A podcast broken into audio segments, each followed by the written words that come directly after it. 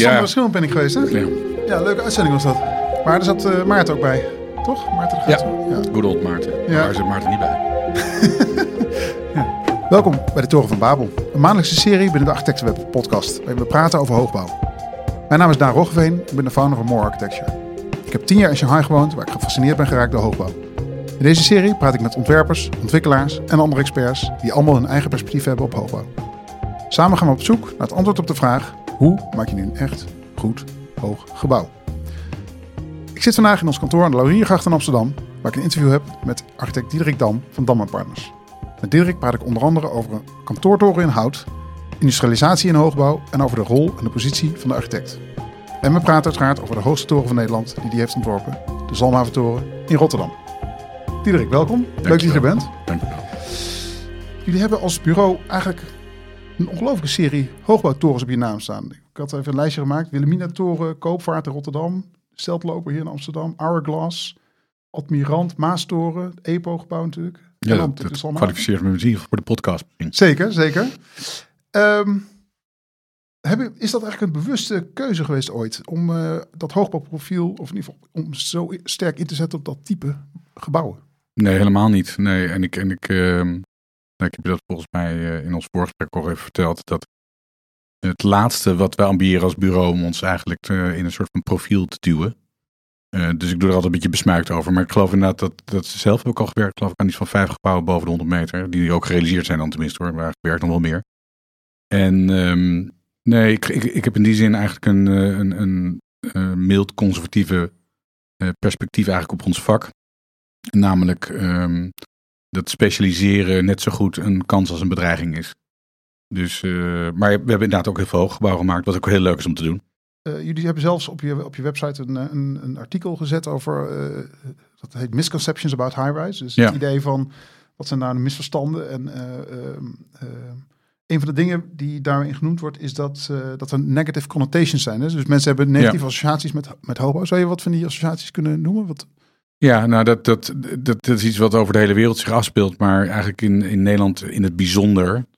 Eh, Dat a priori eigenlijk al voordat je eigenlijk begint aan de, aan de opdracht of aan, de- aan de kans tot zo'n project, is er al eigenlijk een meerderheid van mensen eigenlijk die het als een bedreiging ervaart. En, ehm, ehm, en zelfs eigenlijk, er is een milde uitzondering wellicht nog voor Rotterdam. Hè, eigenlijk een, een, stad eigenlijk waar in Nederland, is als ik me beperkt op Nederland, waar ehm, ontzettend veel mensen eigenlijk nog wel het avontuur interessant vinden. Dus gewoon van de bewoners van Rotterdam. Daar is nog wel eh, in redelijke mate animo te vinden, al wat het ook eh, tanende is. Maar voor het overige, ik bedoel, ik denk dat je als je in Amsterdam bijvoorbeeld het woord hoogbouw in de mond neemt, dat je preventief alvast gekielhaald wordt. ja, ja, ja, dus dat is een soort van antipathie tegen dat type gebouwen. Terwijl we wel, zeg maar wereldwijd, en, maar ook in Amsterdam natuurlijk, steeds meer hoogbouw zien. Dus dat is toch heel opmerkelijk dan. Ja, ik, ik heb natuurlijk eh, ook door alle projecten die we hebben gedaan en, en ook in andere situaties ontzettend vaak eh, ook aan publiek eh, moeten praten over hoogbouw. En dan word ik eigenlijk overigens hilarisch genoeg bijna altijd dan gecast tegenover Sjoerd. Zeg- Tegenover Sjoerd Soet als, Ja. als soort van protagonist van de 17e, 18e eeuwse stad. En, en dat hoogbouw verderfelijk is. En, dan voel ik me eigenlijk altijd een beetje suffig, ook altijd genoodzaakt om eerst uit te leggen dat de hoogbouw geen doel in zichzelf is. Maar dat het toch, eh, ik zou bijna willen zeggen helaas voor de tegenstanders, een, een, een ontzettende relevante en interessante optie is eigenlijk in verdichting en in een veel groter vraagstuk. Ja, namelijk dat veel grotere vraagstuk. Nou, de zaken als eh, hoe om te gaan met ons klimaat, eh, dus zaken rondom ehm, nou, in, de, in meer in de nabijheid van mobiliteit, wonen of werken, mobiliteit terugdringen, eh, maar ook ehm, compact bouwen, maar ook ehm, meer mensen in de stad. En dat is natuurlijk een ding wat niet alleen direct met klimaat te maken heeft, maar ook gewoon met de, de, de, de eh, nou, over de hele wereld eigenlijk de, de wens van mensen om bij elkaar in steden te wonen, in de nabijheid van culturele en andere voorzieningen. Nou, en in die hele context, eh, in Nederland overigens wordt al gelijk het, het bruggetje gemaakt naar betaalbaarheid. Dat, dat, dat is dan, een beetje, dan ook een beetje een misvatting over Ja. hoogbouw. Maar in ieder geval die, die compactheid in de stad, ja, er is hoogbouw is gewoon een onmiskenbaar eh, middel in. Ja, Ja. ja. want dat, dat eh, argument maken jullie op het- in dat artikel ook. Hè, van, we moeten grotere contrast maken eigenlijk tussen de stedelijke bebouwing en de bebouwing op het platteland. Verdichting in steden is, is een pleidooi wat je eigenlijk houdt. In dat- Ja, nou, dus, dus terugkomend op een soort van, in een soort van simpele eh, lekentaal. Als ik dan zo'n avond sta met allemaal boze mensen die tegen die hoogbouw zijn. Dan zeg ik altijd van, nou, oké, laten we nou eens eerst beginnen met wat vinden we beter? Dat we nou meer in het groen gaan bouwen of meer in de stad? Ja. En dan moet je eigenlijk mensen dan even weer helemaal doorheen nemen om die afwegingen te maken. Ja. Want zonder die eerste afwegingen ja, kom je eigenlijk niet eens een hoogbouw toe. Ja, ja. Vind je dat leuk om te doen? De mensen daarin meenemen? Eh, ja hoor, ik, ik zeg een beetje ook ja hoor, omdat eh, eh, het, ik, ik zal niet, ja weet je, het zijn de dingen die horen bij ons werk, ja. Ja, ja. En ik doe het geduldig en, Ja. en, en ik, ik, ik ben wel iemand overigens die, dat vond ik al toen ik in Delft studeerde, ik heb wel ook een milde allergie eh, voor architecten die complexe woorden nodig hebben eigenlijk om relatief makkelijke dingen uit te leggen. Dus er zijn er ook complexe zaken waar je dan ook soms complexe woorden voor nodig hebt. Maar ik vind vooral dat makkelijke dingen, dat we die ook makkelijk moeten houden. Ja, En zo geldt het ook voor het eh, uitleggen aan mensen waarom je dingen doet zoals je ze doet. ja, ja. Nou gaan we het eh, vandaag denk ik uitgebreid hebben over jullie project in Rotterdam. Wat je net hebt opgeleverd afgelopen najaar. Nee, het is nog niet helemaal opgeleverd. Ze zijn, het is wel in, in, goed Nederlands, they have been topping out. Dus het is wel op zijn hoogste punt. Maar ze zijn nog eh, met name aan de publieksruimtes en de algemene ruimtes eh, op begaande grond bezig. En er moet, het is best een groot project, het moet ook allemaal stapsgewijs, moeten worden woningen opgeleverd. Dus ik heb de indruk dat ze ergens in het voorjaar helemaal klaar zijn. Oké, en dan ze zijn dan eh, ja, de, de, de, aannemer en de ontwikkelaars en, iedereen. Ja. Ja, ja. Zou je ons een beetje kunnen meenemen in, dat, eh, in de voorgeschiedenis van die Zalmhaven? Dat is een, die, Ja, daar hebben we echt de tijd niet voor, denk ik, vandaag. Want dat, eh, dat is geloof ik 20 jaar. ja, ja, maar de, laten we zeggen de highlights. eh, Want Ja. dat is een hele curieuze eh, lange doorlooptijd. Heeft dat Ja, gekend? nou ja, ik denk dat, dat dat past ook in het beeld wat we natuurlijk sowieso in Nederland zien. Hè, dat de doorlooptijden van projecten in het algemeen al veel langer zijn. En Ja. hoe hoger en hoe complexer, hoe meer dat geldt. En, ehm, en ik denk ook dat het in dit geval ook exemplarisch is, omdat het ook te maken heeft met de moeilijke economische kanten van het realiseren van zo'n project, waardoor het ook, ik maar zeggen, weer een keer door een crisis heen moest en zo. Maar snel verteld, om, omwille van de tijd, denk ik dat het begonnen is, en dat is eigenlijk ook heel leuk, met een initiatief van een hele kleine ontwikkelaar in Rotterdam. Overigens een ontwikkelaar die wel lang betrokken is, maar uiteindelijk het project niet gerealiseerd heeft. LSI van Luc Smits, die eh, nou ja, een project kocht, of in ieder geval deed alsof hij het kocht. Eh, Zo gaat het dan een beetje in Nederland. En stap voor stap eigenlijk daar eh, een ontwikkeling ontstond, waarbij ook de stad zelf, eh, lastig genoeg en leuk genoeg, eigenlijk helemaal niet de ambitie initieel had eigenlijk om daar hoogbouw te maken. Hm. Wat grappig wanneer, is. wanneer hebben we het over? Nou, ik denk, ja, dus 20 jaar geleden, dus zeg maar rond de eeuwwisseling.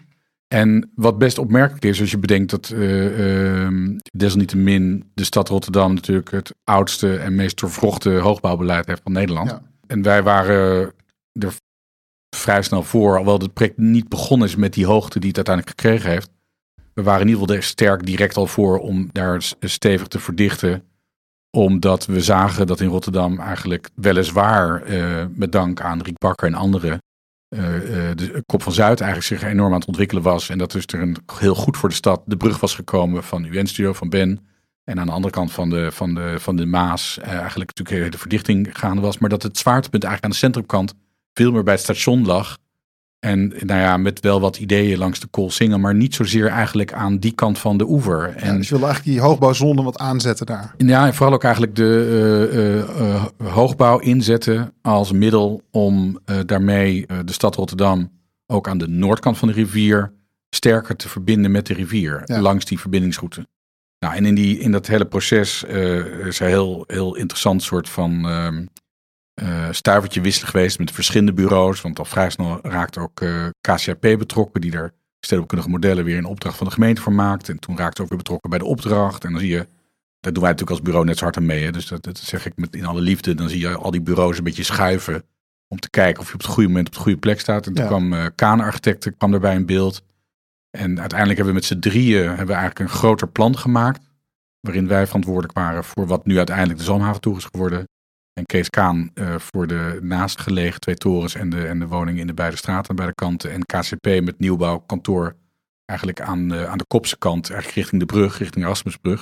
En heel zuur voor hun is dat project nooit gerealiseerd. Oh ja. ja, Eh, ja, ja. ehm, dus eh, af en toe als ik nog partners of voormalige partners van KCP tegenkom en een beetje een soort van, en we er nog eens een keer over hebben, dan hebben hebben ze een beetje een beteuterd gezicht eigenlijk over hoe dat heel rottig is gelopen voor hen. ja. Terwijl ze eigenlijk ook initieel bij betrokken waren.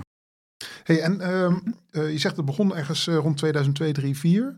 Ehm, die, die, dat eerste idee, maar dat was niet meteen 200 meter. Dus, Nee, nee, eh, nee. Dus, dus, dus, dus ik, dus, ehm, god, ik ben altijd zo slecht aan het precies die feiten rijtje. Maar ik denk zelfs dat het nog iets langer geleden begonnen is. En het begon met allerlei stedenbouwkundige modellen. En toen is ook de positie van die toren is daarin onderzocht. En de hoogte is onderzocht. En de compositie. En nou, het een komt het ander. Dan krijg je overigens ook een hele rare typische Nederlandse dynamiek. Dat in tijd, als het dan lang duurt.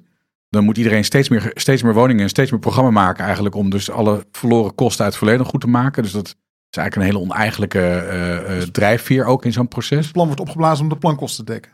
Ja, en, uh, um, en uiteindelijk heeft dat tot een plan geleid, wat het wel tot voorlopig ontwerp heeft, heeft, heeft geleid. En, uh, maar wat, en toen ontstond er een crisis. En toen is nou, ten eerste de initiatiefnemer LSI afgehaakt. En de nieuwe partners bij AM en die gingen door. Maar die wilden eigenlijk ook niet meer verder. En dat is misschien wel even goed om heel snel nu in, in het kader van deze podcast te noemen. Dat, omdat mensen daar dan wel, vind ik, merkelijk uh, vergeetachtig in zijn dan denk ik dat ik het nu heb over nou ja, zeg maar de vorige financiële crisis. Dus dat zal, ik gok nu even hoor, maar laten we zeggen 2012, 2011, 2013 zoiets zijn geweest. En dat dan niet alleen niemand meer dat wilde, maar dat ook de stad zelf de bebouwingsmogelijkheden inmiddels in een bestemmingsplan in wording eigenlijk uit, uit het uh, bestemmingsplan wilde halen. Dus het, dus dat, idee om te verdichten daar. Ja, dus dat is eigenlijk heel grappig. Oh, ja. En daar kan ik, ken ik veel meer voorbeelden van in Nederland. En dat illustreert me weer ook hoe kortzichtig we zijn. Hm. Dat nu eigenlijk natuurlijk de enorme behoefte is aan woningbouw. En dat men, men zoekende is. En, en, en, en er in ieder geval, als al kansen zijn, zelden planologische uh, redenen of grondslag toe is. En ook dat dan steden, en Rotterdam in dit geval in het bijzonder actief eraan meewerkt om eigenlijk die mogelijkheid uit het bestemmingsplan te halen. Toen hebben wij als bureau onze opdrachtgever kunnen enthousiasmeren om daar bezwaar tegen te maken. Dat is uiteindelijk jaren later bij de Hoge Raad is dat gewonnen. Ja. En toen is het alsnog doorgegaan. Ook voornamelijk omdat Amerikaanse beleggers eigenlijk project wilden overnemen. Die zagen enorme kansen. En toen werd iedereen wakker van nou, misschien moeten we het toch maar gaan bouwen. Toch maar doen, ja. En toen is overigens wel weer in het kader van die bijna perverse verdichting, waar net al wat, dus het plan wel weer een, een, een, een stuk weer minder dicht gemaakt. Minder dicht? Dus ja, ja dus het is wel weer een soort slag teruggehaald. Niet zozeer in de hoogte van ons project, als meer eigenlijk in de hele compositie van alles. En met name dat deel van, van Kaan-architecten. Dat, wa dat waren meerdere soort van hogere stadsgebouwen, blokken. Ik weet niet hoe je het type zou moeten noemen. En dat werden eigenlijk twee langere stroken met twee hoge accenten erin. Ja, ja. Die overigens eufemistisch altijd de laagbouw worden genoemd, maar die zijn ook nog toch 70 meter, meter hoog. Ja, ja, toch, ja, toch aanzienlijk. Ja. ja. Hey, en um, uh, dat lijkt me best lastig om dan gedurende zo'n hele lange tijd je je focus erop vast te houden en niet je, ook je interesse te verliezen of je aandacht te laten verslappen. Hoe, hoe ga je daarmee om? Ja, dat is ook heel lastig, maar ik denk dat dat in meer en mindere mate neem ik altijd maar aan dat dat een, een, een dilemma is voor alle architecten, zeker alle Nederlandse architecten. En uh, ja, daarom voel ik mij persoonlijk in ieder geval heel erg gezegend met het feit dat dit niet het enige project is dat we doen, maar dat we gewoon allerlei verschillende soorten projecten doen met verschillende tempi. En want anders is dat niet vol te houden. En, en ik, ik vind eigenlijk een goede vraag gesteld, want de, het, het, het vingerspitsengevoel of de voelspriet die je moet hebben voor wanneer je moet pieken, dat luistert heel nauw. Ja. En dat, en dat uh, ja, ik heb daar ook eigenlijk geen, uh, misschien was het leuk om over na te denken of daar een uh, soort van suggesties voor te doen, hoe je dat moet doen. Maar vooralsnog is dat bij mij ook een instinct, meer een instinctief ding. En in ieder geval proberen wij als bureau, strate als strategie, in ieder geval anders dan velen doen, zoals ik er naar kijk, niet proberen te pieken eigenlijk aan het begin, maar liever wat meer aan het eind. Ja, ja. En want je ziet ook wel veel, vind ik in Nederland, en het is natuurlijk ook de, de terreur van de, van, de, van de renders en alles en zo, dat er een soort, soort van enorm eindshot wordt uh, uh, gesuggereerd in het begin en dat iedereen alleen maar bezig is om dat te verdedigen onderweg. Ja.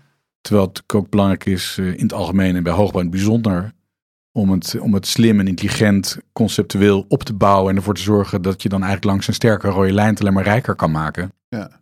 En dat iedereen er ook zijn eigen waarheid in kan zien gedurende het proces bijna. Ja, nou kijk, dus er zijn er, eh, om daar ook heel transparant over te zijn, er zijn er hele grappige dingen. Dus wat ik een vrij hilarische anekdote nog steeds vind, is dat in die, in die hele vroege periode, toen dat voorlopig ontwerp door de welstand werd goedgekeurd, uh, toen wilden wij er een heel licht gebouw van maken. Met als belangrijkste argument eigenlijk dat het daarmee minder agressief is in de Nederlandse lucht.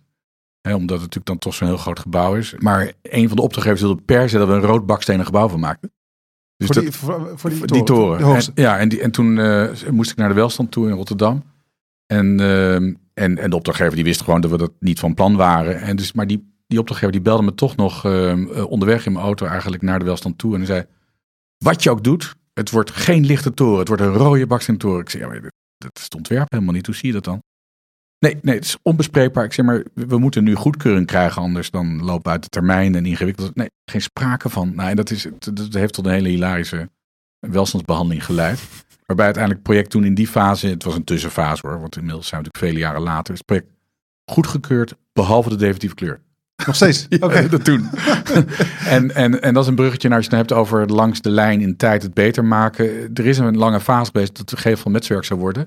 En we hebben ergens onderweg hebben een kans gezien om het een natuursteen te maken. En daar ook eh, de detaillering op aan te passen. En, de, en, zo. En, en zo is het ook de kunst om even op het goede moment natuurlijk ook kunnen switchen naar dingen waardoor je zelf oprecht het gevoel hebt dat het project daar beter van wordt. In ieder geval ook beter in termen van tijd. Ja, ja, ja. Dus maar het spel met de tijd is eigenlijk iets waar je... ehm, Ja, dat wat, is een ding. Wat, wat je moet beheersen. Zeker bij die grotere schaal. Ja, en ik, en ik weet niet of het moet beheersen, omdat het uiteindelijk eh, zijn er geloof ik geen regels. Maar ik denk dat het relevant is. Maar dat geldt voor alle architecten, denk ik, en jonge architecten bijzonder. Want zelfs een gemiddelde doorlooptijd nu zes jaar is. Ja, wat moet je nou wanneer doen? Weet je, wat, wat, wanneer moet je scherp zijn? Ja. En op wat? Ja, ja. Want eh, zoals we weten schuilt eh, God in het detail. Hè? Dus, eh, Zeker. Ja. zeker. Het opmerkelijke bij dit gebouw is natuurlijk ook de manier van bouwen geweest. Hè, met die hijsloods en die, en die verregaande industrialisatie. Zat dat, was dat idee, zat dat al vanaf het begin af aan al in? Of wanneer is dat ontstaan?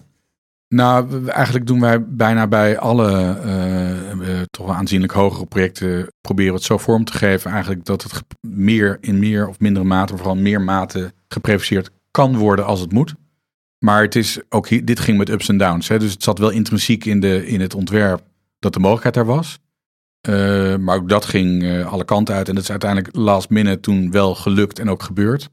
Ook simpelweg eigenlijk omdat het noodzakelijk was, omdat de bouwtijd van vijf jaar, geloof ik, naar drie jaar werd verkort. Ja, En ehm, eh, dus, dus er was ook gewoon een, voor, denk, voor de opdrachtgevers ook gewoon een, een heel evident economische argument. Wij waren er heel erg blij mee. Niet omdat het baanbrekend is, omdat het het hoogst geprefabriceerde gebouw van de wereld is, maar gewoon omdat we daarmee, denken wij, in ieder geval als het gaat, zeker als het gaat om de gevels, een hogere kwaliteit in de uitvoering hebben kunnen realiseren dan we denken dat we hadden kunnen doen als het ter plaatse ja. was gemaakt. Ja. ja. Hey, en ehm, ehm, je, die, als je naar die, die plattegrond is opmerkelijk helder. Hè? Dus als je veel, veel van die woningbouw Hoezo opmerkelijk? Nou, veel wo- woningbouwtorens die zijn natuurlijk, eh, als je dan even goed naar die plattegrond gaat kijken met allerlei gangetjes en kruid door sluit door enzovoort. Eh, hoe heb je dat voor elkaar gekregen? Ja, nee, ik, ik denk dat dat voorwaardelijk is eh, om, om zo'n soort project in Nederland voor elkaar te krijgen.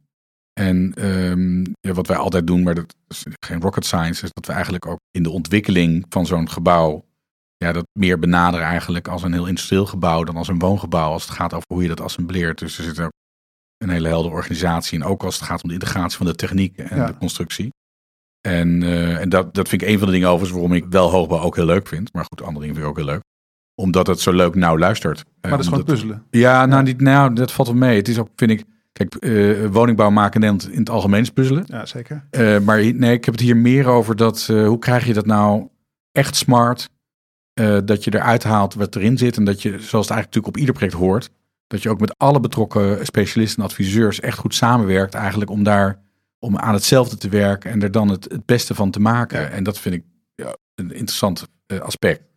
Het cynische is wel dat het er ook, het is voor ons leuk nu om te bespreken. In die end doet het natuurlijk helemaal niet toe, hè? Want ik bedoel, er wonen gewoon mensen. Ja. En Nou, weten, ja, weten, zij helderheid- veel, en weten zij hoeveel, hoe dik die wand is die, waar, ze, waar ze achter zitten of weet wat. hè. Dus, dat, dus het is heel betrekkelijk. Maar het is wel relevant als het gaat om hoe krijg je het voor elkaar en met welke kwaliteit krijg je het voor elkaar. En ik, ik neem aan dat je daarom ook zo vraagt. Ik ben wel het soort architect die houdt van een heldere en mooie constructie bijvoorbeeld. Ja, ja.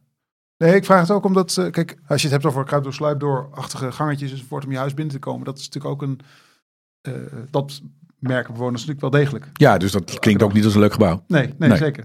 Ehm, nee, het andere is dat jullie het ook eh, in hebben gezet op flexibiliteit in die woningplattegrond. Ja, ja dus ehm, het is nu wat evidenter eigenlijk dan toen we dat aan het ontwerpen waren. Maar we hadden eigenlijk al vrij snel het gevoel dat het ja, noodzakelijk was, relevant was. Om eh, echt extreme flexibiliteit voor Nederlandse begrippen te organiseren. Dus daar, mo- daar moet je bij aan denken dat in die helderheid van de plattegrond. dat er structureel in alle dragende wanden grote sparingen zijn opgenomen. Is ook daadwerkelijk gebeurd. Waarmee je eigenlijk die, die typologie heel makkelijk kan switchen. En waar dat natuurlijk onder andere vaak dan in Nederland op fout gaat, is op buitenruimte. Dus vandaar ook eigenlijk dat er afdoende balkons overal zijn. Dat trouwens, balkons ook een heel onderwerp bij deze toren, maar dat terzijde. Eh, Dat er afdoende balkons zijn, zodat al die woningen dan toch nog een balkon hebben. Ja, En ehm, eh, dus dat betekent ook nu dat met middelgrote of grotere woningen heb je vaak meerdere balkons. ook op zeer grote Ja, hoogte. ja. En ja. ook op 150 meter Ja. kan je nog steeds op je balkon zitten. Ja. Hoe werkt dat? Nou ja, dat, dat, vraagt wel om een liefhebber. Ik bedoel, het zal niet alle dagen even fijn zijn. Maar Nee. eh, er is natuurlijk heel veel aan ontworpen en aan, en aan, aan bedacht. Buitenlanders verklaren ons natuurlijk voor gek. Hè? Ik bedoel, eh, in Nederland is gewoon de wet. Hè? Dus vrij overzichtelijk. Dus je moet die balkons maken. Maar je zou eigenlijk wel kunnen denk promoveren op balkons en hoogbouw eh, en woningbouw. Omdat het heel Nederlands is. Maar er zitten... We hebben ten eerste de borstwering, die is wel van glas, maar hebben we ietsjes hoger gemaakt dan wettelijk noodzakelijk. Ja. Voor gevoel van veiligheid. En er zitten eigenlijk aan de zijwangen zitten, eh, zit glas eigenlijk van vloer tot plafond. Om het behagelijker te maken. En het is allemaal getest, eh, in dit geval door Peut. Een soort loggia-achtige buitenruimte. Nou, het is wel echt, het steekt wel gewoon als buiten gegeven. Maar het is, die zijwangen zijn wel glas. Je hebt wel die, dat gevoel eh, dat het meer balkon is dan een loggia. Ja. Maar je zit gewoon meer beschermd eh, eh, qua wind. Ja, ja, wat goed. We hadden het net al even over, over betaalbaarheid. Ehm, je zegt in NRC in 2018, ik ben de eerste om te beamen dat hoogbouw niet zaligmakend is voor het vraagstuk rondom betaalbare woningen. Dus oftewel, de Salmhaven is niet een betaalbare, niet noodzakelijkerwijs een betaalbare toren. Nee, nou, nou is dat, eh, eh, dan, hangt- dan moet ik eigenlijk natuurlijk nu aan je vragen wat je daarmee precies mee bedoelt. Nee, dat is een goede Wat- vraag. wat- Wat is betaalbaarheid? Ja, ja. Want, want dat is natuurlijk een beetje een rekbaar begrip. Ik bedoel, om, om een paar, ik weet dat je dat niet bedoelt, maar om een paar dingen te benoemen. Ik denk dat, die, dat je morgen eh, die toren al niet meer kan realiseren voor de bouwkosten waarvoor die gerealiseerd is. Hè? Dus dat, in die zin is hij wel heel betaalbaar. Ja, Ehm, ik, ik denk ook dat de woningen die verkocht zijn, dat je die vandaag niet meer kan kopen voor het bedrag waarvoor ze verkocht zijn. Nee. Dus in die zin waren ze ook betaalbaar. Maar eh, dat bedoel je natuurlijk allemaal niet. We hebben natuurlijk nu, nu, nu, de, de, de- vandaag de dag realiseren we ons dat er een enorm tekort is aan woningen en betaalbare woningen in het bijzonder. En als je dan naar, hu- naar huur kijkt, met name, eh, ik zou zeggen, tot 1000 euro eh, huur per maand. En daar, daar is dit gebouw niet op ontworpen, niet op bedacht. nee. En ehm, nou, dat geeft ook helemaal niks, vind ik. Want eh, ehm, ik denk dat we het onszelf nu momenteel in Nederland heel moeilijk maken. Door eigenlijk eh, op ieder gebouwniveau, niet eens op projectniveau, maar op gebouwniveau. Eigenlijk, als het gaat om woningbouw in ieder geval, om eigenlijk een, een gelijke, min of meer gelijke volkshuisvestelijke mix te maken. Ja. En ik ben erg voor hybride stad en, en ik ben ook erg voor verschillende doelgroepen in gebouwen. Dus dat is allemaal geen punt, maar we maken het ons wel heel ingewikkeld. En hoogbouw is natuurlijk gewoon duurder dan lager Ja. bouwen. Ja. Dus dan maak je jezelf nog moeilijker. Ja. Dus als je als stad zegt, eh, we willen eh, ook in alle gebouwen boven de 70 meter, tenminste, nou noem eens wat, 70% of 80% betaalbaar. Dan kan het misschien nog wel, maar dan als alleen, of als alleen de grondkosten heel laag zijn, of als dan die laatste deel vrij sector heel duur wordt. Ja. Ja, dus dus dat is een beetje ingewikkeld. Ja, dus je zegt het, die menging op gebouwniveau, daar moeten we vanaf. Het moet eigenlijk veel meer op gebiedsniveau, waarbij je dus verschillende blokken toewijst voor verschillende soorten. Nou, dat, in ieder geval denk ik dat, nou sowieso ben ik erg voor meer gebiedsontwikkeling. En ik denk dat je op gebiedsniveau, dat je daar, dat je daar dan ruimer mee om zou moeten gaan. Ja. En niet, niet dus om, de, om te segregeren hoor, begrijp me vooral Nee. niet verkeerd.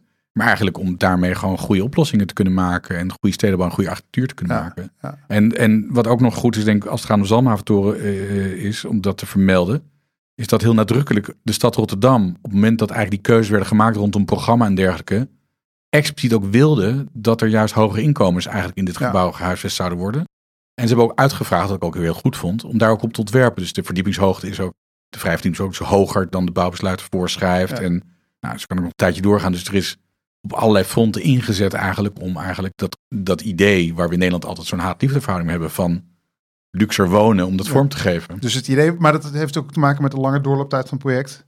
Dat die uitvraag was in 2010, of iets ik? Ja, nou ja, dat is timing. Hè? Dus inderdaad, eh, dat, en, en toen, ehm, toen was het grote probleem, dat is het overigens nog wel een beetje, maar toen nadrukkelijker dan nu, het was het grote probleem voor de stad Rotterdam, dat überhaupt te weinig mensen woonden in de binnenstad. Ja. En zeker eh, te weinig mensen met afdoende inkomen eigenlijk, om daarmee die voorzieningen eigenlijk op peil te krijgen. Ja, ja, dus eigenlijk waar Emiel Arends het natuurlijk eerder ook over had. Hè, van we zijn bezig met een operatie om die, die binnenstad te verdichten met met name woningbouw in Ja. Rotterdam dan. Om, Alleen toen zeiden ze nog, en toen zei Emiel ook toen nog van ja, en graag dan mensen met hoge inkomens. Ja. Ik denk dat niemand het nu, nu durft te zeggen. nee, dat debat is natuurlijk verdraai, of Ja. eh, veranderd door de Ja, en ook begrijpelijk hè. Ik bedoel, zo gaat het dan. Dus die manier van bouwen voor de Salmhaventoren is eigenlijk een, toch in zekere mate een, een innovatie. Ja, nou kijk, die, die, die hijsloods die daar toegepast, dat was niet de eerste keer. Hè? Dus die, die is al eerder toegepast. En, eh, Hadden jullie dat al, al eens eerder gedaan op die manier? eh, zelf niet, nee, maar ik, ik ken het principe. Ja, en het is ook heel waar, voor de hand liggend. Ja. En het is wel natuurlijk, het heeft ook wel weer zijn weerslag, ook wel op vormgeving. Maar ehm, Bijvoorbeeld, kan je daar een voorbeeld van noemen? nou kijk, die, eh, ik weet van andere torens die nu van vergelijkbare hoogte of, of hoger, die in ontwikkeling zijn, dat ze ambiëren eigenlijk om zo'nzelfde soort constructieprincipe te, te hanteren. In die zin hebben wij ook een beetje die ellende veroorzaakt. Omdat de stad Rotterdam er erg blij mee is. Ook omdat het heel veilig is. Ja, Eh, zowel voor de bouwvakkers als voor de omwonenden. ja dan kan Maar- beneden lazeren zo. Ja, maar je, ja, ik bedoel, als je even denkt aan zo'n zo'n typische Aalto-achtige vrije vorm. ja, ergens zit de grens een beetje aan wat je kan maken eigenlijk Ja. met zo'n huisloods. Want dat ding zelf is weer heel duur. Dus, dat, dus diegene die voor de Zalmhaventoren gebouwd is, is aanpasbaar. Ja. Dat die nog weer ingezet kan worden. Ja, maar niet voor een, eh, nou noem eens wat, een eh, soort van vrolijke uh, amoebe. Ja, ja, ja. Dus eh, ja, Aalto even niet met de hijsloos. Nee. nee. Je, je gaat nu op, ehm, op de Zuidas een houten toren maken voor NSI. Ja. Een, eh, kant, maar dat is kantoortoren. Maar dat is een. Dus dat is, ik vraag het omdat het ook een soort van. toch wel innovatie is weer in, in hoogbouwland. Ja. Dan is de vraag altijd: hoe hout wordt die dan? Eh, Kan je daar iets over zeggen? Ja, nou, eh, hij, wordt voor, eh, hij wordt 86 meter hoog en hij wordt voor een houten gebouw eh, heel erg van hout. Dat wil zeggen dat er wel een betonnen kern in zit. Voor gespecialiseerde luisteraars met een soort glijbekisting, dus dat het vrij snel gaat. En dan wel volledige houten constructie omheen. Dus houten eh, kolommen, houten balken, houten vloeren. Dus eh, kijk, alle houten gebouwen zijn hybride. Het is wel zo dat ze op een gegeven moment zo, dat er nog zo weinig hout in zit dat je niet meer met goed fatsoen kan zeggen dat het van hout is. Ja. En, ehm, en wat we vervolgens hebben gedaan, is dat we er een ehm, heldere, maar mooie vorm aan hebben gegeven, eigenlijk als massa. En dat we vooral hard sturen eigenlijk op, eh, op, op het meest innovatieve, mooie glas wat er beschikbaar is. Zodat er een soort van eh super transparante schil omheen zit, dat je, die, dat je dat CLT ook beleeft. ja. En dat is in die zin... Dus je kan het van bu- buiten ook zien. Ja, je kan het van buiten gewoon zien. En, en, en eh, dus dat is, ja, dat is heel interessant.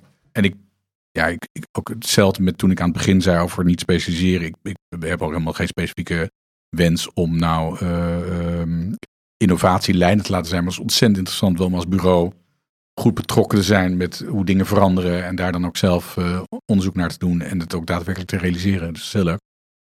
Hey, en eh, hoe kwam je erop om dit in hout te gaan doen? Was dat een vraag van de opdrachtgever of heb je dat, hoe, hoe, kwam dat idee tot stand? Want dit, plan is al van een paar jaar geleden, meen ik. Eh, nou ja, het, eigenlijk loopt het eigenlijk, zeker als je het vergelijkt met best vlot. Ehm, maar wij, ja, het kwam eigenlijk op een hele eh, Nederlandse manier tot stand. Namelijk dat we de opdracht kregen om eh, op die plek iets te bedenken. Maar dat er om alle redenen eigenlijk bij de gemeente Amsterdam meer animo was eigenlijk om de, de kans niet aan te grijpen, dan wel aan te grijpen. En misschien de, de propositie eerder in een laten stoppen. Dus hebben we tegen de opdrachtgever gezegd, kunnen we hier niet een, gewoon een ontzettend eh, voorbeeldproject van maken in CLT. En actief ook daarmee een bijdrage leveren aan alle doelstellingen rondom Parijs. En zullen we daarnaast ook niet een masterplan maken voor het gebied eigenlijk, dat we het ook nog in stedelijke zin eigenlijk, dat we dat Verankeren. eh, verankeren en interessant maken. En, toen, en, en dan moet je zoals altijd als architect moet je geluk hebben. En we hadden natuurlijk weer ontzettend veel geluk. Toen bleek eigenlijk dat deze opdrachtgever Energie zelf ook enorm eh, aan, de, aan de weg aan timmeren was eigenlijk om in het kader van hun beleggingsportefeuille die maximaal te verduurzamen en zich als bedrijf ook te committeren tot allerlei internationale doelstellingen. En ehm, dus zijn we ook eh, gelijk naar Parijs gegaan, naar een soort, nou, ik noem maar eventjes voor het gemak nu een zusterorganisatie, om dan het nieuws van het nieuws te bekijken en animo eh, ervoor te vinden. En natuurlijk hebben we wel uitgelegd dat het wel een, een heel kostbaar avontuur is, maar als het Ja. gaat om duurzaamheid letterlijk wel een hele heel goed ding om te doen. Dus dat Dus is het leuk. voor hun ook een baken van, eh, of een soort van ankerpunt in. eh, Ja, nou ja, ik- zij geloven erin en ik geloof er overigens ook in. Dat eh, met name in de beleggingswereld, vanuit de institutionele beleggers, denk ik dat, en ik denk dat het heel goed is, dat iedereen nog verbaasd zal staan over vijf tot tien jaar, hoe intrinsiek eigenlijk grote fondsen het als voorwaarde gaan stellen. Ja. Dat gebouw niet een beetje duurzaam zijn, maar echt crème la crème. Ja. Ja, dus dat, dat, en dat is heel interessant. Maar het is opmerkelijk dat je zegt van, ehm, ja, het is niet mijn doel om eh, innovatielijnen neer te zetten, maar je, dit is toch wel duidelijk een, ik bedoel, je zal hier veel nieuwe kennis voor het bureau in moeten halen. Of, of, of heb je dat allemaal al beschikbaar? Nou, nee, de- de- dus, nou ja, ik neem aan trouwens dat het voor jou niet anders geldt. Dat je, je, je- het leven moet een beetje leuk zijn. Hè? Dus je, je zoekt een beetje naar interessante kansen om leuke dingen te bedenken waar je hart sneller van gaat kloppen. En niet alleen mijn hart, maar ook dat van het hele bureau. En waar iedereen zijn schouders dan vervolgens onder wil zetten om voor zover nodig dan die kennis snel eigenlijk op te doen. Ja. En, en, en, we, en kijk, en het aardig vind ik zelf, eh, op gevaar dat ik een beetje eh, ehm, klein zit te maken. Ja, dat als je dat gewoon met aandacht en liefde en gewoon met, met, met, met, met enthousiasme doet, ja, dan is ook zo'n soort project realiseren, dat is ook maar niet super complex. Ik bedoel, je moet er gewoon hard aan werken en dan kan dat prima. Ja, maar meer, niet meer dan dat. Nou ja, dat zou ik zeggen. In ieder geval, kijk, wat, wat, je, wat, wat goed is misschien als bruggetje eigenlijk is dat... ehm, wat jammer is dat de wereld is risicoavers geworden. Ja, Dus, dus de kunst is eh, natuurlijk in basis om een mooi gebouw te maken dat goed functioneert en waar de gebruikers en de eigenaren gelukkig van worden. Maar je moet er ook voor zorgen dat als je, als je innoveert of als je spannende dingen aangaat, ja, dat je een situatie weet te organiseren eigenlijk waarin die mensen die al hun zuurverdiende centen of hun niet zuurverdiende centen, maar in ieder geval al hun centen in moeten stoppen, ja. ja, dat, dat ze daar zich letterlijk veilig bij voelen. ja, ja. En, en dat vind ik wel een taak van een architect. ja. hey, nou kom je eigenlijk... ehm, jij komt uit een architectenfamilie. Dus jouw grootvader was architect. Ja. Eh, je vader was architect. Is architect. Of is architect. Die is nog steeds actief ook als architect. Nou ja, ja, Hij is 90, meen ik. Of, ja hij, nou, hij wordt eh, van de zomer 90. ja. En is nog steeds ook... Want jij hebt het bureau van... Ja. Je bent bij hem in het bureau gekomen. Klopt, ja. Dus eh, ik ben in eh, 1992 eh, eh, in het architectenbureau van mijn vader gaan werken. En daar toen een aantal jaren later toen ook aandeelhouder in geworden. En we hebben het bureau nog steeds formeel samen. En was het jouw... ehm, laten we zeggen, jij, jij, maar jij groeide op in een, dus een soort van architectenomgeving, neem ik aan. Ja. Er werd thuis over gepraat. Je ging misschien af en toe een gebouw bekijken. Of, Ja, klopt. Ja, nee, zo, dus al die clichés zijn waar. Dus gewoon eh, gelukkig waren er ook nog gewone zomervakanties voor mij als kind. Maar heel veel andere reizen naar architectuur. Dus ik ben gewoon eh, het nou, klassiek voorbeeld van met de paplepel. Overigens wel dan ook in die mate dat ik wel, eh, dat ik me prijsrijk, dat ik heel veel van jongens af aan heb gezien. En, en, en nou, dat me heel veel is geleerd. Eh, maar wel op een manier eigenlijk als dat er heel vanzelfsprekend was. En dus ik ben ook eigenlijk ehm, in Delft gaan studeren meer vanuit een eh, soort van braaf doorhobbelen op vanzelfsprekendheid dan uit, vanuit een bewuste keuze. Dus toen ik uiteindelijk jaren later in Delft er helemaal geen zin meer in had en eigenlijk bedacht dat ik liever iets anders wilde gaan doen. Toen ehm, heeft ook aan haar geschild of ik was niet iets anders gaan doen en was er gewoon mee gestopt. En, en ik heb het toen toch maar afgemaakt. En ehm, Wa- Wat was dat andere dan? Filmregie. Ja. Ik heb in mijn middelbare schooltijd heb ik heel veel animatiefilms gemaakt. En ik, ja, zijn nog vrienden van mij zeggen altijd, dat ga je toch alsnog doen. Maar ja, het is, het is- zo makkelijk is dat nou ook weer niet meer. Dus eh, ja, overigens zijn er heel veel parallellen natuurlijk wel eh, in, in filmregie en in architectuur. Nou, Gelukkig ook veel verschil. Nou ja, dat, ik denk eigenlijk de, vooral de crossover eigenlijk van hoe je processen organiseert en hoe je ehm, mensen enthousiasmeert om te investeren in ideeën en daar dan een gro- grote groep van specialisten omheen organiseert. En anderzijds hoe je beelden anseneert. Ja. Eh, ja, dat, dat, dat lijkt heel erg denk ik op wat, wat jij en ik als architect doen. Ja, het groot verschil is dat eh animeerde wereld, dan kan je de mensen laten doen wat ze willen. Wat jij wil ook, hè? Ja, klopt. Ja. Maar ik heb, ik- het is niet een karaktertrek van mij dat ik die behoefte heb om mensen te laten doen wat ik wil. Hoor. Sterker nog, eh, ehm, als je kijkt ook naar zeker de particuliere woonhuizen die we ontworpen hebben, die, die ik ontworpen heb. Ik zorg er altijd voor dat er in de plattegrond mensen opties hebben. Ja, ja. Dat je altijd kan kiezen waar je naartoe kan. Ik heb er echt een broertje dood aan eh, dat dingen verplicht zijn. Ja. ja. Je, je ging er heel snel overheen, maar eh, je zei, ik ben toen automatisch bouwkunde gaan doen, zonder eigenlijk, dat was nog gewoon een logische vervolgstap. Ja. Eh, maar ja, je, je wist neem ik aan wel, toen je daar in Delft uit de trein stapte, dat de volgende halte misschien wel het bureau van je vader zou kunnen zijn. Nou, nee, daar- nee, was ik echt heel naïef in. Ik was 17 toen ik in Delft ging studeren. En eh, ik heb ook eh, in mijn eerste jaar ook zo'n onwijs strenge tekst van Herman Hertzberg een keer gekregen. Nou, die, we hadden het sowieso al niet op mijn vader voorzien. Dus ik was eigenlijk in die, zo, in die zin was ik ook al upfront al eigenlijk foutvolk en kreeg al een onvoldoende. Maar die, dus, dus dat, dat was de manier waarop ik ermee geconfronteerd werd. Maar zelf, ja, ik weet niet hoe dat, hoe was dat voor jou toen je 17 was? Weet je ik was gewoon eh, leuk, gezellig feestjes aan het doen en zo. Ik had helemaal hele andere ideeën. En dus ook niet ideeën over om dan met mijn vader te gaan werken. En ik, ik zou, eh, toen ik uiteindelijk toch afgestudeerd ben, zou ik eigenlijk in New York gaan werken. En mijn lieve echtgenoot Yvette zegt al gelukkig maar dat je niet bent gaan doen, want daardoor zijn wij getrouwd. Maar als ik het naar mijn werk bekijk, had ik heel graag niet in Delft gestudeerd. Stel dat ik wel architect wil worden, had ik graag niet in Delft gestudeerd, maar in het buitenland. En qua werk had ik heel graag ook dan in New York gewerkt in Ja. plaats van in Amsterdam. Zo is het volgens nog niet gelopen Nee, natuurlijk. maar, maar, eh, ik ben niet zielig hoor. Nee, nee, dat probeer ik ook niet aan te praten. Maar ik vroeg me vooral af, ja, hoe, eh, hoe werkt dat op het moment dat je in zo'n bureau komt waar ja, een andere generatie eh, aan het roer staat? En hoe ga je naast elkaar staan? Ja, Hoe ging dat? ja dat, dat is natuurlijk super ingewikkeld. Maar vooral ook omdat, kijk, ik heb heel veel respect voor mijn vader als architect. Ehm, eh, hij is eh, in die zin autodidact. Hij heeft wel de academie gedaan en dergelijke. Maar hij heeft niet, zoals ik, van huis uit is hij opgegroeid in een setting eigenlijk waarin dat was aangereikt. ehm, daar heeft hij ook nog eens voor gekozen. Het past heel erg bij zijn karakterstructuur om een soort van uh, eigen beeld, eigen persoon uh, en alles erin op te bouwen en uh, geen evidente routes te kiezen. En, en nou ja, waarom, waarom die ook zowel, waar, waarmee die beroemd is geworden, maar ook om verguisd is. En, um, en dus in die, in, dat in zichzelf is al complex. En dan is het ook nog eens zo dat, dat, dat ook weer, als je het hebt dan over mijn naïviteit, dat ik denk toen ik eraan begon in 1992, toen, toen leek dat ook nog van alles te zijn wat uiteindelijk dan met de tijd toch een beetje tegenvalt. En waar ik dan op doel is dat je, je rolt er zo in en van het een komt het ander en dan vinden mensen het leuk wat je doet. En dan, en dan ik ben eigenlijk in een soort van versnelling geraakt. Waar ook daar weer in ik eigenlijk niet helemaal goed gerealiseerd heb precies waar ik wanneer mee bezig was. Want ik ben eigenlijk altijd wel overspoeld met heel veel leuke opdrachten en leuk werk. Dus terugkomend op die samenwerking, werd dat eigenlijk pas in het begin was het nog wel leuk. En op een gegeven moment dan begin je wat te leren en dan word je wat explicieter in wat je, hoe je het zelf ziet en wat je zelf kan. En dat heb ik wel als een hele moeilijke fase ervaren. Dus de fase waarin mijn vader nou, in ieder geval meer deed dan nu. Uh, uh, maar nog in ieder geval ook echt wel betrokken was bij dingen. En ik heb heel erg nadrukkelijk ook vaak geprobeerd om dan opdrachten te scheiden. Maar dat wilde hij nooit. En achteraf begrijp ik ook waarom. Dat deed hij heel slim voor zichzelf. En ik, en, en ik Hoe deed hij dat dan? Nou ja, is gewoon dat voorkomen. Waardoor, waardoor hij gewoon zichzelf iedere rol kon aanmeten. Die hij maar wilde. Omdat nou, ik deed mijn ding toch wel. Ja. En uh, dus jij zei, je zijn het terecht generaties. Dat dus enerzijds zit er een generatieverschil, maar er zit ook uh, gelukkig ook overeenkomsten. Maar er zitten ook heel verschillen in zijn architectuuropvattingen en de mijne. Dus er zijn best wel veel projecten geweest in een hele fase.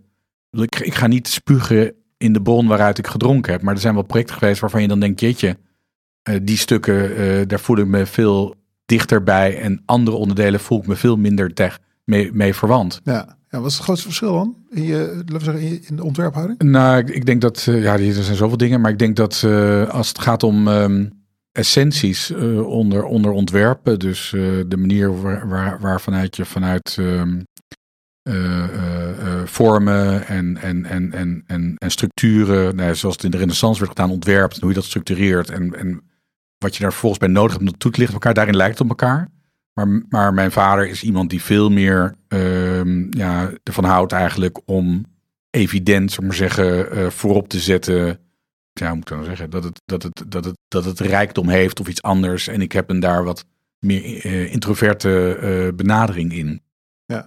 Als je merkt dat ik een beetje met stropenmond begint te praten, dan moet ik een beetje zoeken naar hoe ik dat moet formuleren. Maar in ieder geval, er zijn verschillen. Ja, ja, ja. En dat, maar en zijn dat, dat zijn architectonische verschillen, of zijn dat ook verschillen in persoonlijkheid? Ja, zeker. Ja, nou, in, in alles eigenlijk. Ja. En, uh, maar ik heb ook heel veel van mijn vader geleerd. Hè? Dus ik, ik wil er zeker. Uh, uh, dus, dus, en en ik, nou, ik denk dat hij ook heel veel aan, van mij profijt heeft gehad. En, um, en ik heb heel veel bewondering, bijvoorbeeld, om maar even een soort van vrolijke noot eraan toe te voegen. Ik heb heel veel bewondering voor de manier waarop hij heel autonoom eigenlijk zich heeft kunnen vestigen en, en, en kunnen handhaven. Al wat het ook wel in die tijd ook wel heftig was, weet je. Maar je moet je voorstellen dat, dat zal je vast realiseren, dat in zoveel dingen is het hele beeld eigenlijk waarin we nu functioneren zo anders dan toen. Daar hebben we echt de tijd niet voor om door te nemen. Maar als je, als je alleen naar architecten kijkt, je had toen gewoon, weet ik wat, uh, 15, 20 bekende Nederlandse architecten die ook veel nadrukkelijker op hun persoon eigenlijk als beroemd werden ervaren. Uh, en die bureaus, dat er bureaus bij hoorden, dat zal wel. Ja, ja. dat is nu helemaal anders. En nu heb je bureaus. en dat geldt voor ons bureau ook dat bureau doet het en ik doe het niet. En, en dat beeld is heel erg veranderd. Maar is het niet zo dat mensen toch ook denken van ik ga Diederik even bellen? Ja, maar, maar dat jullie zijn ook jullie, jullie leunen ook zwaar op de relatie, dus je zet toch? Ja, klopt, dat is ook wel zo. Maar, maar uh, ik denk dat dat gewoon vanuit een maatschappelijk perspectief eigenlijk hoe je, zeg maar zeggen, een bureau in de breedte eigenlijk uh, kwalitatief ontwikkelt en hoe ze dat presenteert, hoe dat herkend wordt, dat is wel anders nu dan vroeger. Ja, er is gewoon minder behoefte aan, nou, om die mensen te vieren. Uh, uh, en er zijn nog wel internationaal ook wel star architects, maar zelfs die star architect, dat is eigenlijk al een beetje veranderd. Ja, ja. Dus je moet het een beetje in, die, in dat tijdsbeeld zien. In dat kader, uh, jij hebt je de afgelopen eh, paar jaar ook een aantal keer expliciet uitgesproken over de, laten we zeggen, de culturele opgave waar de architect aan werkt. En dat veranderende veld. Ja. daar heb je een aantal keer, onder andere interview met Harm Tilman, maar ook andere artikelen je, hebt, je zegt onder andere van, eigenlijk zitten we in een Excel-sheet gedreven uh, cultuur. Hè? Wouter Veldhuis zei daar ook iets over vorige maand. Maar hoe zie jij dat? Hoe, hoe, hoe vind je dat? Wat vind je zo Excel-sheet gedreven aan onze ontwerpomgeving? Nou kijk, die, um, om te beginnen, ook als we het hier nu over hebben, ga ik proberen om het zo te formuleren dat het geen klagen is. Want ik heb ook wel een broertje dood, een architect. Klagen architecten, ja. Ja, die, die klagen en zeggen dat de, de wereld hun niet hoort. En dat ze de kansen niet krijgen die ze, die ze willen krijgen. Want ik vind dat, dat je zelf verantwoordelijk bent voor de kansen die, je, die je krijgt, die je maakt, die je realiseert. En ook je bent ook verantwoordelijk voor het product wat je realiseert. Dus, maar toch eerst dan als een, op een beschouwende manier is natuurlijk evident. Uh, um, ja, dat, dat, dat die, ja, de, de wereld om ons heen veranderd is. Uh, hij is ten dele oppervlakkiger geworden, hij is sneller geworden. Alhoewel onze projecten niet sneller gaan, maar in ieder geval in de beleving. Nou, en dat vertaalt zich eigenlijk in alles. En, en daarnaast uh, is de groep opdrachtgevers of belanghebbenden of politici of nou, et cetera, et cetera. Die eigenlijk ook um, uh, de moed hebben, zeg ik dan maar even, om langs andere logica, langs andere lijnen eigenlijk dingen te doen. Om, om, om bijvoorbeeld de stad beter te laten functioneren. Ja, die, die groep is kleiner. En ik vertelde je net dat ik het afgelopen weekend in, in Hamburg was. En dan naar de Elbphilharmonie was. En dat ding is natuurlijk drie keer te duur geworden en noem maar op. Maar daar is zo'n stad toch blij mee, omdat ze er gewoon onomwonden voor kiezen. Om dan een cultureel gebouw te maken in een nieuwe wijk. Ja. Uh, uh, en daarmee zijn stad aan te jagen. En dat, we, kijk, we hebben het er in Nederland wel over. En, en er komt geloof ik nu ook misschien toch wel weer dan aan de Sloterplas eindelijk dan een nieuw theater en zo. Maar ja, we hebben er toch moeite mee. Dat gebeurt, het gebeurt nooit op een soort van manier eigenlijk dat er echt ruimte in wordt gecreëerd.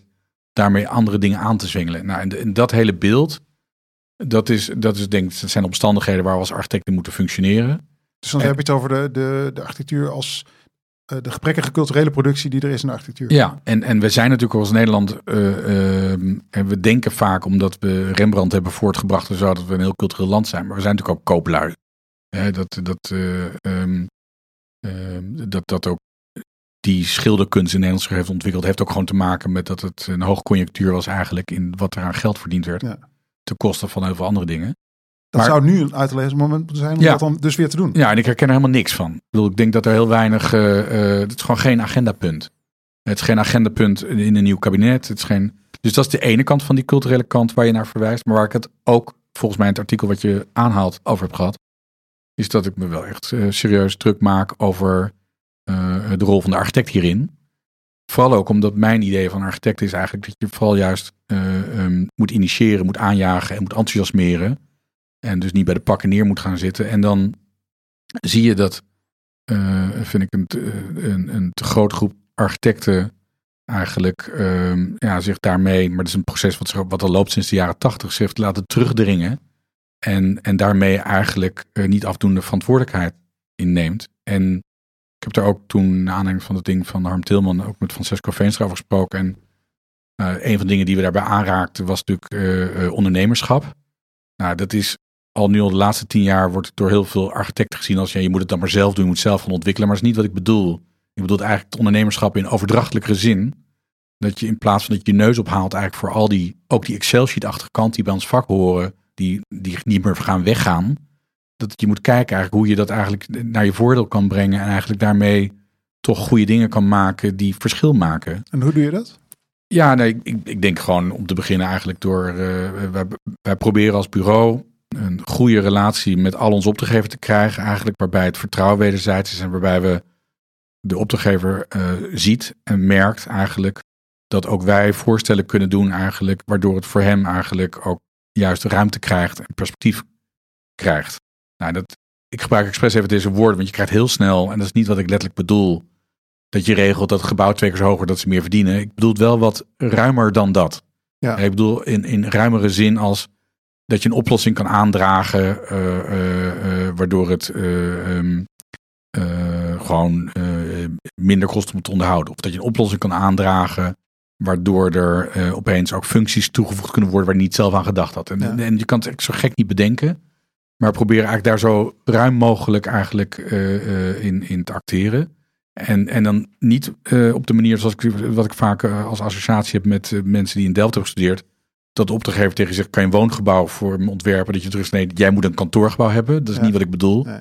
Om dat wel ruimer te maken. En, en, hebt eh, in, in, die- in dat kader heb je het eerder gehad over onafhankelijkheid versus dienstbaarheid. Dus die twee begrippen als Ja. soort van. eh, en wat, waar leun je dan meer op? Of is het echt die interrelatie tussen die twee? Ja, ik, ik, ik, ik zou niet kunnen kiezen. Want ik vind eh, dat, er heel veel momenten zijn dat je ultiem dienstbaar moet zijn. En, en daar hoort deskundigheid dus ook bij. Maar je kan vervolgens natuurlijk uiteindelijk iemand pas goed adviseren als je onafhankelijk bent. Ja. Dus, dus het is er allebei.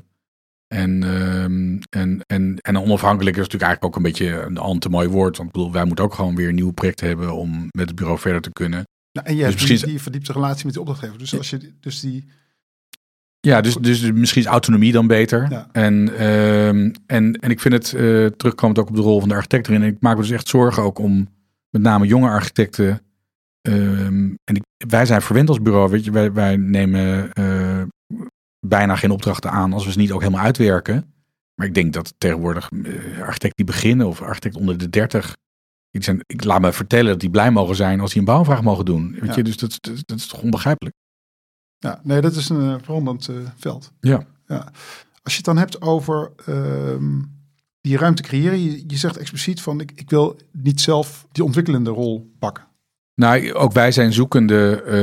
Uh, maar dan wordt het bijna heel zakelijk van eigenlijk. Van hoe, hoe kan je dat bureau nou verder ontwikkelen? Eigenlijk dat we die kennis en kunde en, en daar, vanuit daaruit die dienstbaarheid eigenlijk vergroten. Dus we zoeken naar zowel een samenwerking als intrinsiek in ons bureau. Van hoe kunnen we hebben bijvoorbeeld rondom verlichting en andere zaken. Van hoe kan je, dat, hoe kan je daar gewoon echt goed in adviseren? Overigens allemaal zaken die vaak 40 jaar, 30 jaar, 20 jaar, 80 jaar geleden heel normaal waren. Maar dat is ja. En anderzijds uh, merken we ook wel dat we in toenemende mate uh, um, ja, dat we opdrachtgevers tegenkomen die behoefte hebben eigenlijk aan goede ideeën die verder gaan dan architectuur alleen. En, en, en, Kun je daar een voorbeeld van geven?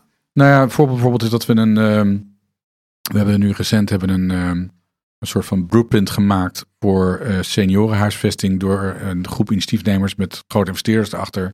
Die niet alleen in Nederland, maar eigenlijk in heel Europa de evidente behoefte eigenlijk aan oudere huisvesting vorm wil geven.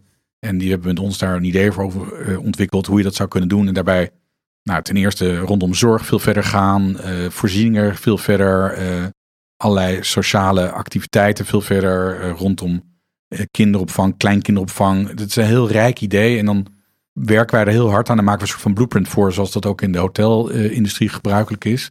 Inclusief andere adviseurs rondom installaties en dergelijke.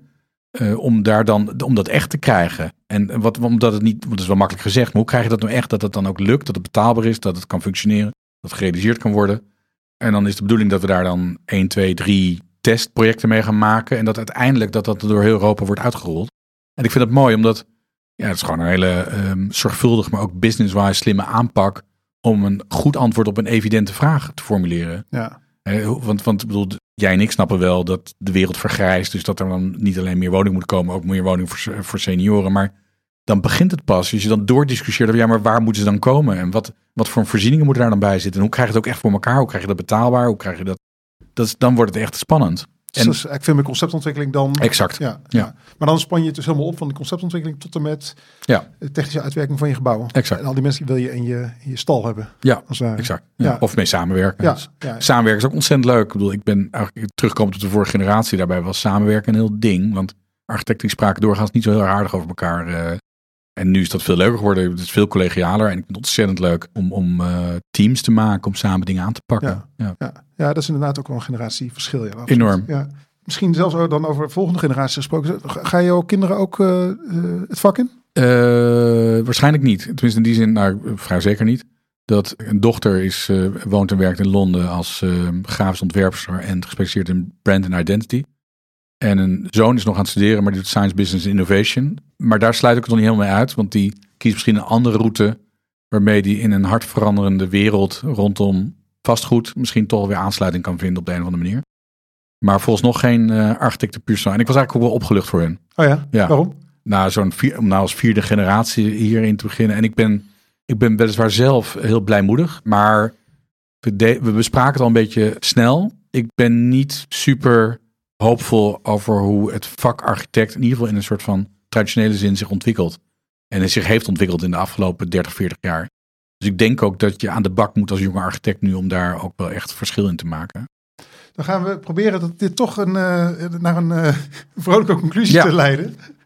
Deze wat zwaarmoedige, eh, dit soort zwaarmoedige moment. Namelijk de, de hoofdvraag eh, van, dit, eh, van deze podcastserie is uiteindelijk de vraag: hoe maak je nu een echt goed hoog gebouw? En wat zou daarop je antwoord zijn? Ja, en dit was geloof ik in twee, drie zinnen. Nou ja, dat Nou, mag je nou, maken je zelf. maar- Nou, ik, ik, ik vind dat eigenlijk niet zo ingewikkeld. Kijk, die. ehm, ik ga een soort van inleiding geven voordat ik het zeg. Wat ik zeg is dat. Wat, wat, wat ik jammer vind in Nederland. eh, en ik merk dat overigens ook bij de Stichting Hoogbouw en op andere plekken. Dus dat er enerzijds die angst is over die hoogbouw. Maar, maar als die vervolgens, als die, die angst er niet is. Dat eigenlijk dezelfde. eh, wel relevante, maar toch ook cliché discussies. Over waar we nou met gebouwen in Nederland toe moeten. Dat die gewoon één op één eigenlijk op hoogbouw wordt geprojecteerd. Dus je krijgt de al was evidente dingen hoor, maar dus die betaalbaarheid van die woningbouw. Maar je krijgt ook bijvoorbeeld met kantoren dat die vloeren groot genoeg zijn. Of je krijgt met nou, al die clichés of eh, buitenruimte of dat er dan... En hoe kan je nou ook met gezinnen erin wonen? Nou, al- allemaal terechte vragen, maar dit, dit wordt eigenlijk een soort van... Wordt een vrachtwagen leeggestort eigenlijk op dat idioom van die hoogbouw. Dan vind ik dat de verwachtingen verkeerd liggen. En dat ook de kansen eigenlijk niet worden gepakt. En het makkelijkste eigenlijk, eigenlijk om dat eigenlijk aan, mee aan te tonen... als je kijkt naar hele goede hoogbouw gewoon uit het buitenland dan zitten er weliswaar vaak fantastische of spectaculaire gebouwen bij. Maar in alle eerlijkheid is ook weer die architectuur van die gebouwen, die is niet ook altijd grensverleggend. Hè? Omdat er, kan je een voorbeeld geven?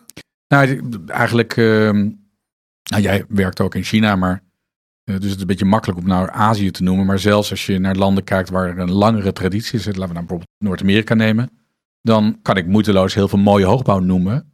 Maar als je er dieper op ingaat eigenlijk, dan is eigenlijk zeg maar dat speelveld rondom concept, plattegrond, gevel, architectuur, detail en interieur eigenlijk. Dat speelveld waarin je normaal gesproken bijvoorbeeld een particulier woonhuis zou maken of een museum zou maken. Zit in hoogbouw zit het heel anders in elkaar. Omdat het hoog is, omdat constructie en, en, en economie daar een zware rol in speelt. Dus dan zie je ook dat als je nu kijkt naar nieuwe projecten, zijn er ook wel hele mooie voorbeelden. Maar je krijgt ook van, nou ja, overigens hele goede bureaus, zie je ook veel meer in hoogbouw dat er van die gimmicks ontstaan. Hè, dus, nou, bijvoorbeeld, een, er is nu in, in, in New York bijna een gebouw klaar. Waar dan bijvoorbeeld zo'n zo'n ronddraaiende kier eigenlijk helemaal rondom in zit. Nou, dat ding van Bjarke Engels, die nieuwe. Ja. En nou ben ik enorm fan van dat bureau. Maar dat, de, de vraag is een beetje: is dit nou iets, zal maar zeggen, wat, dat, wat, wat, het wat maakt eigenlijk dat het een fijner gebouw wordt om in te werken en te wonen en de Ja. plattegronden beter worden? Of is dit nou iets wat alleen met het beeld te maken heeft? Overigens, ik wil de, de, relevantie van branding en beeld van een toren zeker niet onderschatten. Maar als dan alleen is dat, dan wordt het wel weer een beetje dun. Ja. Dus met andere woorden, naar, naar ons idee, naar mijn idee, eh, eh, naar de echte goede voorbeelden, moet je eigenlijk toch wel zoeken naar de dingen die intrinsiek eigenlijk uiteindelijk dan toch echt heel goed zijn. Ja. En die dingen die hoogbouw intrinsiek goed maken, het zijn doorgaans niet de dingen die eigenlijk nu vandaag de dag in onze snelle beeldcultuur eigenlijk als meest belangrijke worden beschouwd. Ook omdat dat wat meer aandacht en tijd vergt, eigenlijk om dat te herkennen en te Ja. zien. Dus in antwoord op je vraag zou voor mij eigenlijk goede hoogbouw zijn. Dus het is toch uiteindelijk gewoon heel voor de hand liggend hoogbouw. Die ook na 50 jaar, na 100 jaar, waarbij in eerste instantie de gebruikers en in tweede instantie de bewoners van de stad eigenlijk ja, dat, dat als een intrinsiek goed ding ervaren. En dat zit hem vaak eigenlijk op hele gewone onderdelen. Je begon tegen mij over, hé, hey, wat zit die plattegrond leuk in elkaar en het is niet kruipt door sluipt. Het gaat Ja. over dat soort dingen. Eh, dat dat het echt een fijne woning is en dat er echt mooi licht in zit. En dat er echt, dat, je blij wordt als je binnenwandelt. Of bij een kantoor, dat, dat je denkt, wauw, dit is eh, hoe een heerlijke plek om te werken. Ik ga toch maar niet thuis werken, ondanks COVID. ja. Nou, helder. Prachtige conclusie.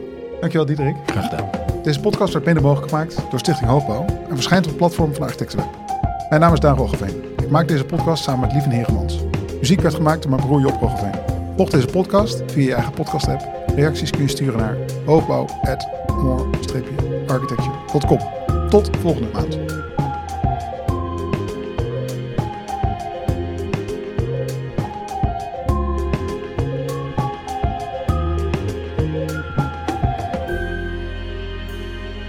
Leuk gesprek. Gaat ook snel zo.